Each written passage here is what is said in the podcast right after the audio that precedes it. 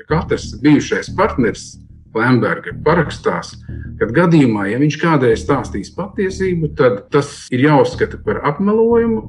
Ja jūs man šīs akcijas neatdosiet, vācieties prom no Ventspils. Šo pirmdienu tiesā Evaru Lembergu pasludināja par vainīgu korupcijas noziegumos un piesprieda piecu gadu cietumsodu. Tā nav parasta prāva un nav parasts arī tiesājamais. Ilgus gadus Lembergs spēlēja pirmo violu Latvijas politikā un biznesā. Augsta līmeņa prokurori iebilda pret viņa noziegumu atklāšanu, bet drošības policija tam pretojās, izspiegojot izmeklēšanas vadītāju. Tiesa sēdē gaida mūsu prokurori un visi tiesas dalībnieki gaida viņu nopratnēt, un atnāk ziņa, viņš naktī nomirs. Nokris no trepēm. Raidījumā atvērtie faili šodien rekonstruēsim prāvas gaitu, ieskatīsimies liecībās un izmeklēšanas aizkulisēs. Pirmā daļa - Melnās mapes. Izmeklēšana, kas Aivaru Lembergu aizved līdz apsūdzēto solam, izauga no trīs dokumentu mapītēm. Tā laika ģenerāla prokuroram Jānim Maizītim 2003. gadā tās aiznesa Arnolds Laksa, uzņēmējs, kurš tobrīd bija ievēlēts saimā. Biezajās melnajās mapēs bija virkne daudz, daudz dokumentu, kas pierādīja Lemberga līdzdalību Vēncpils lielajos uzņēmumos. Un tie dokumenti attiecās uz nu, pašiem 90. gadu sākumiem, nu, kad visas tās afēras tur notika. Gan naudas pārskaitījums Lemberga konta, gan kapitāla daļas, kas tika turētas trastā, Tas ir nu, kā, nu, kur par uzticības personām tika izvēlēti advokāti. Dažādi darījumi turp atpakaļ par kapitāla daļu pirkšanu, pārdošanu. Nu, tie ir simtiem dokumentu. Arnolds Laksa agrāk bija strādājis savulaik varenajā SVH uzņēmumu grupā.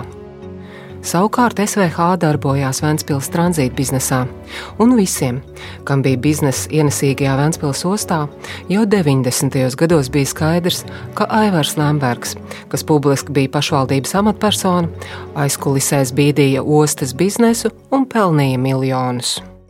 Kad sākās jau nu, tās cīņas starp uh, bijušajiem partneriem, ja, gan atklātas, gan slēptas, tad nu, kaut kādā veidā šīs mapas ir nokļuvusi manā īpašumā. Lembergs partneriem gan bija līdzis parakstīt īpašas vienošanās, ar kurām viņa ārzonās noslēptos Ventspils uzņēmumu patiesos īpašniekus apņemas 12 gadus neatklāt. Aploksnes ar sazvērnieku parakstiem glabāja advokāti. Tā būtība ir tāda, ka katrs bijušais partneris Lemberga parakstās Kad gadījumā, ja viņš kādreiz stāstīs patiesību, tad tas ir jāuzskata par apmelojumu un par faktisku atzīšanos noziegumu veikšanā. Tas ir apmēram tik bērnišķīga konstrukcija, ja, kad nu, un, un, un, man, man tas likās jau tajā brīdī, nu, kaut kas ārprātīgi muļķīgs. Vēlāk Laksa vadīja valstī daļēji piederošo Latvijas krājbanku, kur nozīmīgu akciju daļu kontrolēja Ventspils ostas uzņēmumi. Arī tur viņš redzēja, ka uzņēmumu vārdā lemj Lembergs, un ne tikai par krājbanku. Neviens lēmums nevarēja notikt arī lielajos valsts uzņēmumos, nesaskaņojot ar Lembergu. Un tas notika nu, visnotaļ atklāti. Tā nu, kaut kādā tikšanās reizē tas jau bija briesmīgi. Tu tiecies, piemēram, kaut kādā, nu, negribās nosaukt konkrēti, piemēram, valsts uzņēmumu. Tu, tu pārstāv valsts intereses un tiecies un spried par kaut kādu lielu valsts uzņēmumu nākotni. Nu, pēkšņi, piemēram, tas uzņēmuma vadītājs saka, nē, nu viss jau ir skaisti, ko jūs domājat, bet, bet ko par šo domā Lembergs? Bet Lembergs tajā, tajā, tajā pašā laikā uz to brīdi nav ne politiķis, ne, ne, ne, ne kaut kāds šī uzņēmuma pārstāvs, ne kaut kas. Bet, bet, bet tas likās loģisks jautājums, un neviens jau neprasīja tam cilvēkam, kas uzdeva šo stulbo jautājumu. Kāds sakars ar Lembergu? Vienkārši, nu kā, nu visiem skaidrs, nu kā, nu Lembergam, nu, nu, nu visi ceļi veda pie Lemberga. Lembergs viss izlēma. Visi ceļi pie Lemberga veda arī politikā. Viņa biznesa partneri redzēja, kā saimnes partija vadošie politiķi pirmdienās brauca atskaitīties uz Vēnspili. Tie politiķi, kas tur pirmdienās pie viņa brauca, viņiem arī zināja, ka jebkurā brīdī viņus var tajās mazajās politiķu sapulcēs Lembergs nolikt līdz ar zemi, visrupjākajiem vārdiem nolamāt. Viņš var runāt, runāt mierīgi, un tad pēkšņi visi apkārtējie saprot, ka ir bijis klikšķis, ka kaut kas Bosam nav paticis tajā sarunā. Un Boss paņem garo runu un sāk lēnām uzvilkties, un sarunas savas sava monologa beigās sāk nenormāli kliegt uz visiem un, un ārprātīgiem, rupjiem vārdiem, katru atsevišķi pazemojot nolamā. Līdzīgas sanāksmes trešdienās notika Vecrīgā, uzņēmuma Latvijas trans birojā iepratīm Romas viesnīcai. No Laksas mapītēm sāktajā krimināllietā atrodams liecības, ka uz tām mēdza nākt ne tikai politiķi, visbiežāk zaļzemnieki, bet arī tā laika sāba priekšnieks Lainis Kamaldiņš un valsts kontrolieris Raitis Černais. Viņam bija pakļauti politiķi. Un politiķu aprindās, jau, protams, ja tu esi politikā iekšā un piedalies kaut kādās nu, kulāru sarunās, nu, taču, nu, protams, ka tu zini, kur ir Lemberga politiķi, un viņi jau to arī neslēpj. Viņi bieži ironizē arī un stāsta, ka viņi ir seržanti. Tomēr viņi ir tādi goda vīri, kad ja reiz viņi ir apsolījuši kungam kalpot, tad viņi jau viņu nenodos. Nebija arī tā, ka par šo paralēlo pasauli publiskajā telpā nebija ne nojausmas. Dažos medijos to apsprieda, taču iestāžu sāktās pārbaudas beidzās ar atzinumu, ka Lemberga darbībā nelikumību nav. Tomēr 2003. gadā situācija mainījās. Kā Saimnes aizsardzības un iekšlietu komisijas vadītājs Laksa, tobrīd bija arī Nacionālajā drošības padomē. Un es biju labi informēts par to, kas notiek vispār kopumā valstī. No visas šīs informācijas kļuva skaidrs, ka Lembergs aktīvi gatavojās likt šķēršļus Latvijas ārpolitikai, iestāšanās NATO un Eiropas Savienībā. Nu, varētu jautāt, nu, kāpēc viņam vajadzētu pretoties pret Eiropas Savienību un NATO, ja, kas nu, liktos tik loģiski Latvijai vajadzīgs. Bet nu, jāņem vērā tas, ka šie sazaktie milzīgie līdzekļi, miljardi, kas nozagti no Latvijas valsts 90. gada sākumā, nu, uzliek kaut kādu pienākumu pirmkārt tos īpašumus turēt, un otrkārt nu, nodrošināt to, ka neviens nepiekļūst pie šiem dokumentiem, nodrošināt, lai tiesu vara būtu pakļauta un kaut kādā veidā kontrolējama. Nu, būtībā Lemberga nu, virsmērķis visam bija panākt tādu Latvijas ārpolitisku kursu, kurus tagad varētu noraksturot, piemēram, resošo Baltkrieviju. Nu, viens pret vienu. Nu, tas bija viņa mērķis. Autoritāra, kleptokrātiska valsts, kuru nosaka viens cilvēks ar savu kaut kādu nu, palīgu loku. Ar Lembergu auga neapmierinātība pat partijās, kurās viņam bija ietekme. Viņš sāka līst jau tajā lauciņā, kas jau kļuva daudziem pārāk neaizskarams un svēts - Latvijas drošība. Nu, viņš pārreikinājās. Nu, tā, tā, tā bara, ko viņš bija iegūmis Latvijas iekšpolitikā, Latvijas valstī, pērkot politiķus, kontrolējot bieži vien policijas un citas represīvās iestādes, prokuratūru. Nu, Viņam liekas, ka viņš ir jau kaut kādā pasaules virsotnē nokļuvis. Protams, viņš kļuva par bīstamu elementu, kas tur bija klāts un bija sarunās kur tika apspriesta šī tēma, ko darīt ar Lembergu. Ko, ko ar viņu darīt? Nu? Tas Laksu iedrošināja dokumentus nodot likumsargiem. Otra daļa - izmeklēšana. Labdien! Varu kāpt iekšā? Es domāju, ka jā. Ar Lemberga lietas izmeklētāju, bijušo prokuroru Andi Mešsargu tikšanos esmu sarunājis pārdaugavā. Laukā stinzina spēlgonis. Saruna notiek viņa automašīnā. Jūs sēdēsiet priekšā, es aiziešu aizmugurētī, lai vismaz kāds pusotrs metrs starp mums.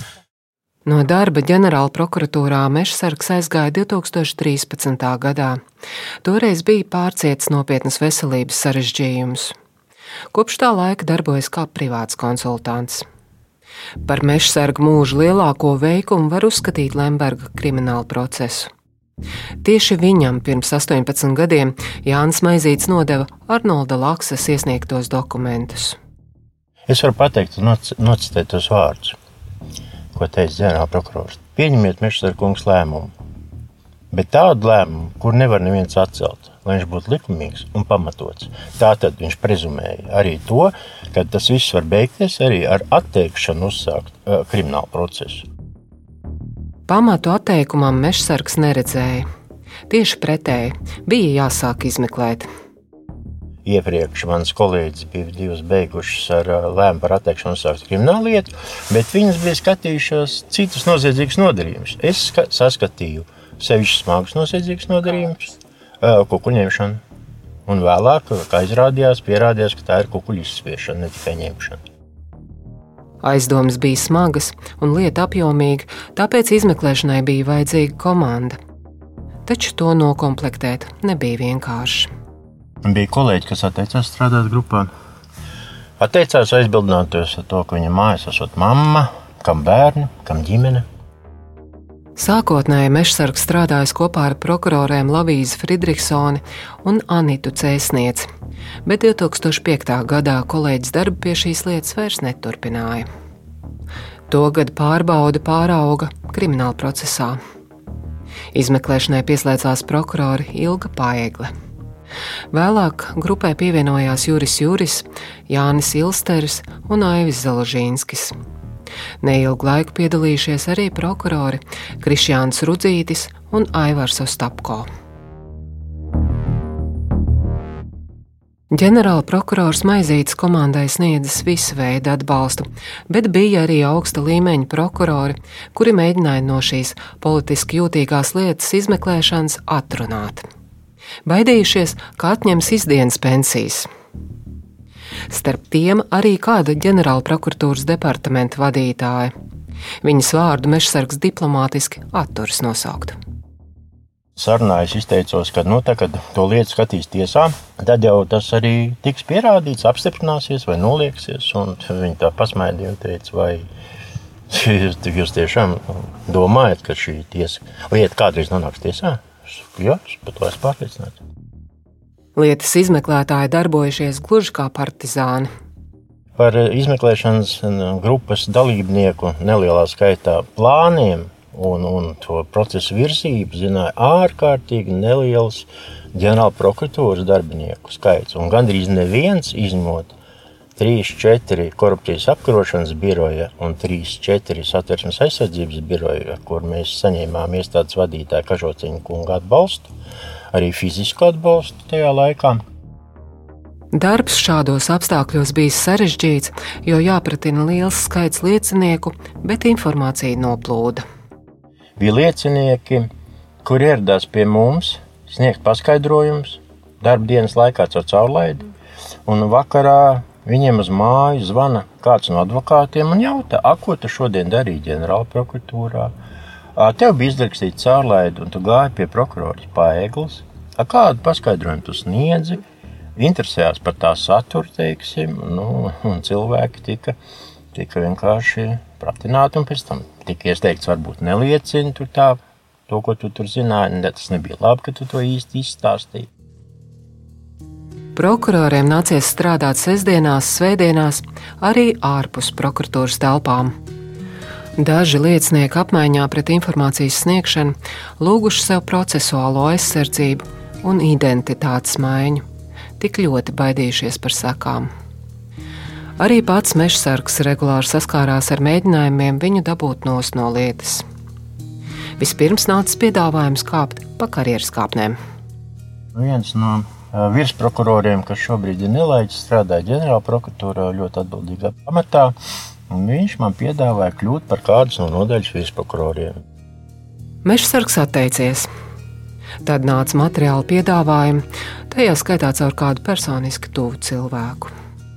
Bija divi gadījumi, kad man piedāvāja arī materiāli atbalstīt mani un manu ģimeni divos veidos. Vai nu ar vienreizēju asignāciju vai nu ar patstāvīgu, ilgstošu, uz ko es nosmējos, nu, ko nozīmē ilgstoši, kamēr es dzīvoju. Dažas valsts pārvaldes iestādes sāk meklēt kompromitējošus materiālus par meža sargu. Valsts ieņēmuma dienas vērtēja meža sarga nekustamā īpašuma iegādes darījumu un ieradās arī pārbaudē veikalā, kur strādāja prokurora māsa. Savukārt drošības policija noklausījās meža sarga telefona sarunas. Viņi uzsāka pārbaudi par mani kā mana mobilā telefona numura lietotāju optīvās izstrādes procesā par naftas kontrabandu. Es biju viens no naftas kontrabandas figurantiem Latvijā, kurš organizēja tādu lietu. Izmeklētājiem vārda tiešā nozīmē sekoja līdzi privāta apsardzes firma Venta, bet neatkarīgajā rīta avīzē krājās kaudzē mežsargu nomelnojoša publikācija. Taču izmeklēšana turpinājās. Būtisks pavērsiens notika pēc četriem gadiem. Kratīšanā bankas seifā uzgāja krimināla procesam būtiskus dokumentus. Un ko jūs tur atradāt? Akciju ordināls. Aivara Lemberga zilos paraksts par īpašumu tiesībām uz offshore akcijām un vērtspapīriem. Un tā bija diena, kad es sev un saviem izmeklēšanas grupas dalībniekiem pateicu, ka nu, es esmu drošs, ka tā lieta nonāks tiesā. Mežsargs atceras, ka toreiz rakstījuši desmitiem tiesiskās palīdzības lūgumu uz ārvalstīm, bet izrādījās, ka daudz svarīgāk dokumenti glabājas tepat Ventspēlī. Toreiz nostrādājusi intuīcija, bijusi sajūta, ka steidzami jāorganizē kratīšana seifos, lai paspētu pirms procesuālā oponenta, kā mežsargs vienmēr dēvē Lembergu. Iegūtie pierādījumi veidojuši apsūdzības stūrakmeni. Tās būtību viņš raksturo šādi. Apsūdzība 256 lapām. Viņam vajadzēja sevi deklarēt kā šo biznesa īpašnieku un nesēdēt uh, tajā domas pašvaldības vadītājā krēslā. Tad viss būtu tīri, viņš būtu veiksmīgs uzņēmējs, viņam par to nebūtu jāatbild. Bet veids, kādā viņš iegūtās īpašumtiesības, izspiežot uh, tās daļas un akcijas, un tālāk veids, kā viņš slēpa un kāpēc viņš slēpa un tajā pat laikā viņš darbina to pašvaldības resursus savas bagātības vairošanai. Tāda ir tā būtība. Taču lūzuma punkts bija Aivara Lamberga aizturēšana 2007. gada 14. martā. Šodien aizturētais Vēncpils mērs Aivars Lembergs ir apcietināts, tā nolēmusi Rīgas centra rajona tiesa. Šobrīd... Tās dienas mežsargs labi atceras. Lai arī plāna apspriesti šaurā lokā, informācija par aizturēšanu vienalga noplūdusi. Plāns bija kļuvis zināms drošības policijai. Bet 9. marta rītā drošības policijas 5 minūtēm tika paziņots par to, ka eh, prokurors Ants Mešsargs eh, taisās aizturēt Aivaru Lembergu. Tiesību sargi, kas organizēja Lemberga aizturēšanu, reiķinājušies ar dažādiem scenārijiem. Aizturēt Vēncpils mēru izdevās brīdī, kad viņš ar 207 km/h traucies pa šoseju Rīgas virzienā ielietošu to uh, manu procesuālu oponentu skaisto frāzi - Rīgā runā. Rīgā runā, kā viņš taisās braukt garām. Viņš taisās braukt garām uz Tallinu un pēc tam uz Prāmu. Tiešām jūs domājat, ka viņš taisījās mukt? Rīgā runā, ka viņš taisījās mukt. Pēc Lemberga aizturēšanas izmeklēšana ieguva jaunu uzrāvienu. Daudziem lieciniekiem bija jāizšķirs, kurā pusē nostāties, sniegt liecības pret Lembergu vai nē. Viņu vidū daudz cilvēku no Vēncpils uzņēmēju vidas. Daži šī procesa beigas nav piedzīvojuši. Viņi ir miruši. Piemēram, bijušais Ventam un Jaka padomas priekšsēdētājs Jurijs Bespālovs nomira dienu pirms viņam tiesā bija jāsniedz liecība par dokumentu viltošanu. Naktī pirms pratināšanas apgabala tiesā no trepēm nokrita. Tiesa sēdē gaida mūsu prokuroru visu, un visi tiesas dalībnieki gaida viņu nopratināt, un atnāk ziņa, ka viņš naktī nomirs. Nokris no trepēm.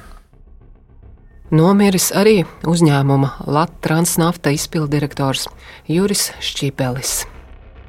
Jā, būtiski apsūdzības liecinieks, viņš tā saucamais, kurš pēc tam rakstiski atteicās no savas liecības, aizsūtīja šo eh, rakstisko savu apliecinājumu tiesai un pēc tam nomira. Tā saulē devies arī uzņēmējs Vitāls Leņķis. Bet viņi abi jau offshore no 94. gada. Viņš bija aizsaks Aivaram Lembergam, visur viņi divi tā it kā pārvaldīja un bija iegūši visus savus aktīvus, bet pēc tam Vitāls Leņķis uzrakstīja testamentu un pats nomira. Mežsargs tolaik pratinājis cilvēkus, kuriem bijuši tuvi kontakti ar leņķu. Viņi brīnījušies, kāpēc leņķis, cilvēks spēka gados, bez acīm redzamas vajadzības devies svara zaudēšanas kūrē uz Maskavu. Kad viņa nebūtu nebija tā persona, kuram bija jābrauc uz Maskavu, iziet kaut kādā bijušā drošības komitejas ārstniecības iestādē notieviešanas kursu no kura viņš atgriezās, un pēc kura viņam apstājās izdarbība.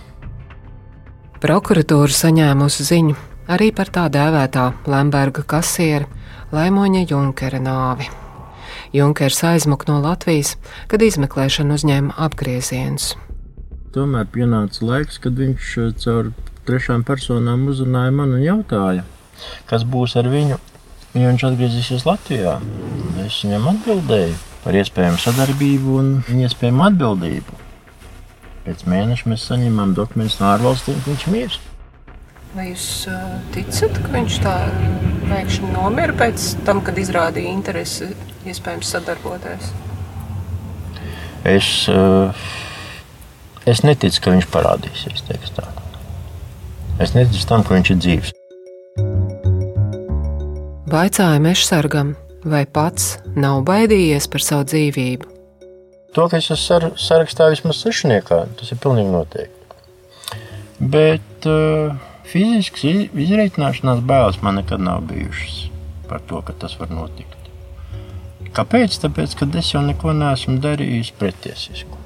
Man nav ko pārmest. Es izmeklēju kriminālu procesu, es esmu bijis godīgs uh, attiecībās ar procesā iesaistītām personām un arī pret personām, kuras tiek vajātas.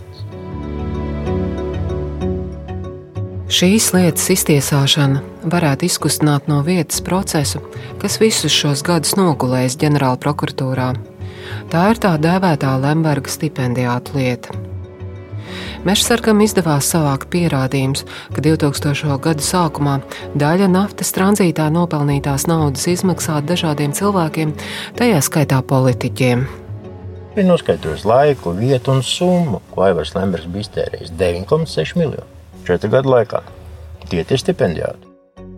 Noskaidrots, kā veidojies stipendijātu fonds, kā nauda kustējusies, no kādiem kontiem nākusi, kur skaitīta un kā atgriezusies Latvijā skaidrs naudas veidā. Paši stipendijāta naudas izmaksu sarakstos gan slēpjas aiz iniciāļiem, un tos mežsargs noskaidrot nepaspēja. Atbildes uz šiem jautājumiem nav vēl joprojām, tomēr arī pati lieta pagaidām nav izbeigta. Arī tiesai nodotajā krimināllietā mežsargs prokuratūra vairs nepārstāvēja. Valsts apsūdzību Lembergam tiesā sākotnēji uzturēja četri prokurori - Juris Juris, Aivis Zelužīnskis, Jānis Ilsters un Ilga Paegle. Un arī viņi sastapās ar bezprecedenta pretdarbību.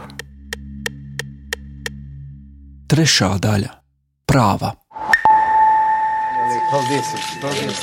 Nu, no Ventspils un māja, māja mēs turam, visa Ventspils turam. Visa Ventspils. Ja kāds nezinātājs skatītos fotoattēls no pirmās Aivara Lemberga tiesas sēdes, viņš varētu domāt, ka tas ir kāds skolas izlaidums. Apsūdzētā galdu klāja rozes, asteris un gladiols. Ziedu klēpjus dāvināja Vēncpils mēra atbalstītāji. Galvenokārt kundzes gados, kas no Vēncpils uz pirmajām Rīgas apgabaltiesas sēdēm ieradās ar autobusu. Turās, un, un lai būtu atgriezies Ventspilī. Lai būtu Ventspilī. Jā, šokar būšu, jā. jā. Līdz ar Lembergu uz apsūdzēto soli sēdēja viņa dēls Andrijs un uzticamais līdzgaitnieks Ansis Sormulis. Taču lietas izskatīšana nesākās raiti. Pirmā tiesnese, kurai to uzticēja, no lietas atteicās. Tad iztiesāšanu sāk vadīt Boris Geimans, kurš lietu skatīja kopā ar kolēģiem Irīnu Jansoni un Ligitu Kuzmani. Kā rezerves tiesnesis vēl piesaistīja Ārīšu Danovu. Labdien!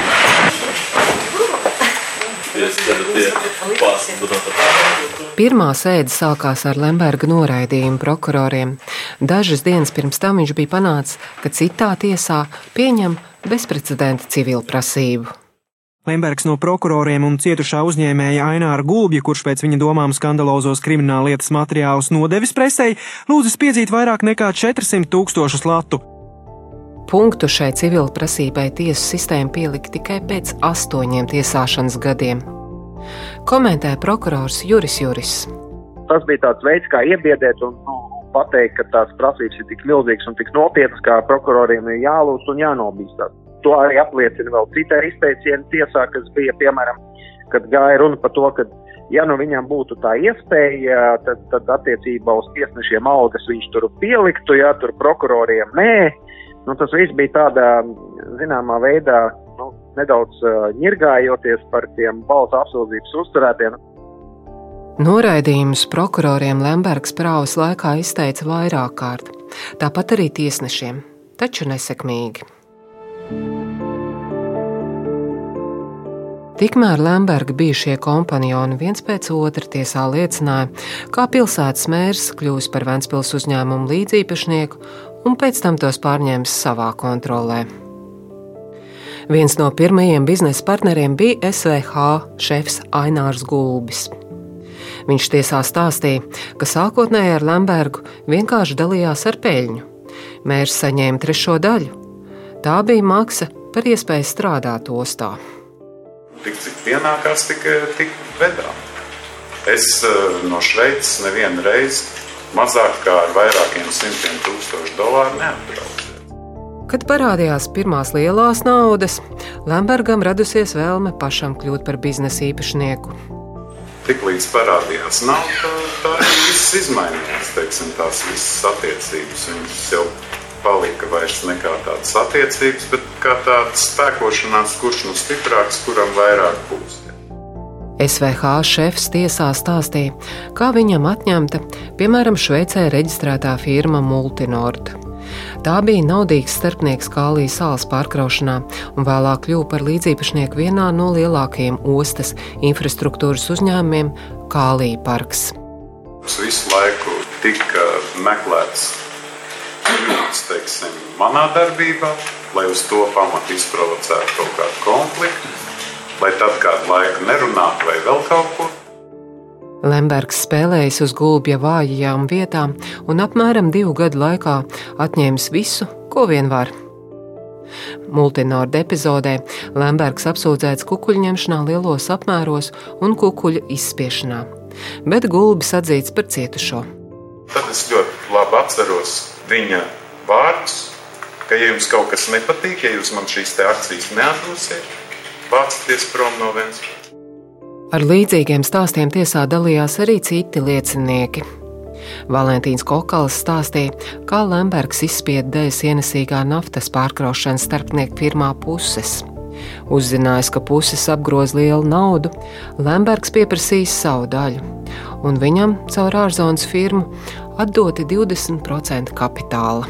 Zinot Evaru Lembergu pēc dabas, viņu jau nevar aicināt istabā pie galda kā ciemiņā. Viņš paliks pa saimnieku pēc brīža saimnieki uzmetīs ārā. Savukārt Vladimirs Krastīņš liecināja, kā viņš bija spiests sadot daļu no firmas Latvijas nafta.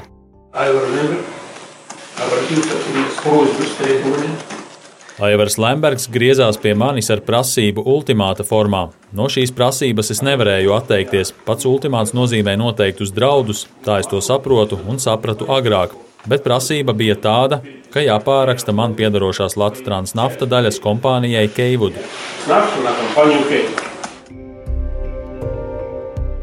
Kopumā šo gadu laikā bija nozīmēts apmēram pusotrs tūkstotis tiesas sēžu, bet notika puse no tām.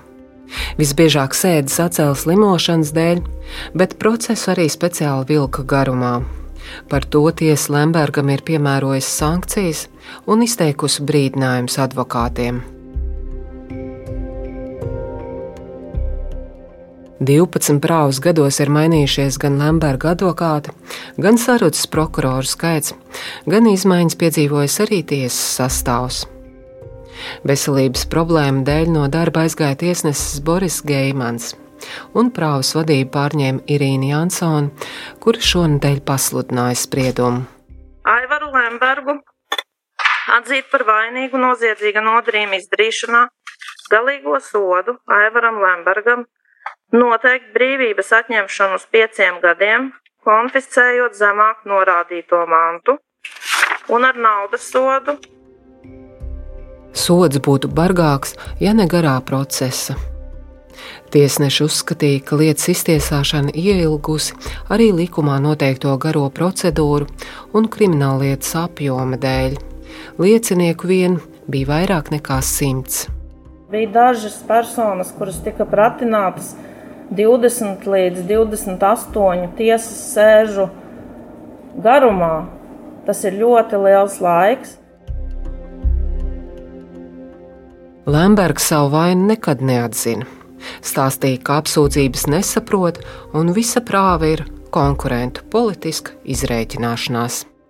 Normāls politisks process, izreikinoties ar opozīcijas politiķi, ar, uh, ar cietumu. Nu, tā teikt, Navaļņīs scenārijs tikai Latvijā.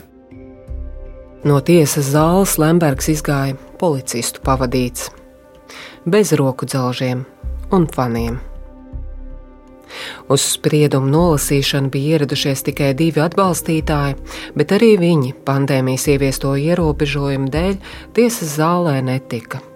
Abi vīrieši varēja tikai noskatīties, kā viņu elku policijas konvojs aizved uz cietumu. Nebija godīgi sakot, gatavs tam, ka ir tāda drosmīga vēl tiesneša. Noklausījies pirmās instances spriedumu, atzīst Arnolds Laksa kura aiznestie dokumenti deva impulsu šai lietai. Par prokuratūras komandu man nebija šaubu patiesībā. Prokuratūras komanda atstāja visus šos daudzos gadus, tikmēr, kamēr man arī vajadzēja iet uz tiesu un liecināt, atstāja ļoti labu iespēju.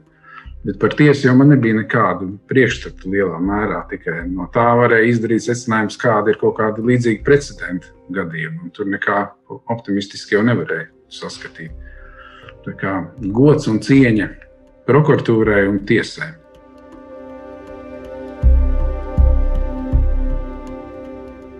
Raidījumu veidoja Indra Sprānce, Anita Brauna, Zane Mača un Reinis Budze. Atvērtie faili!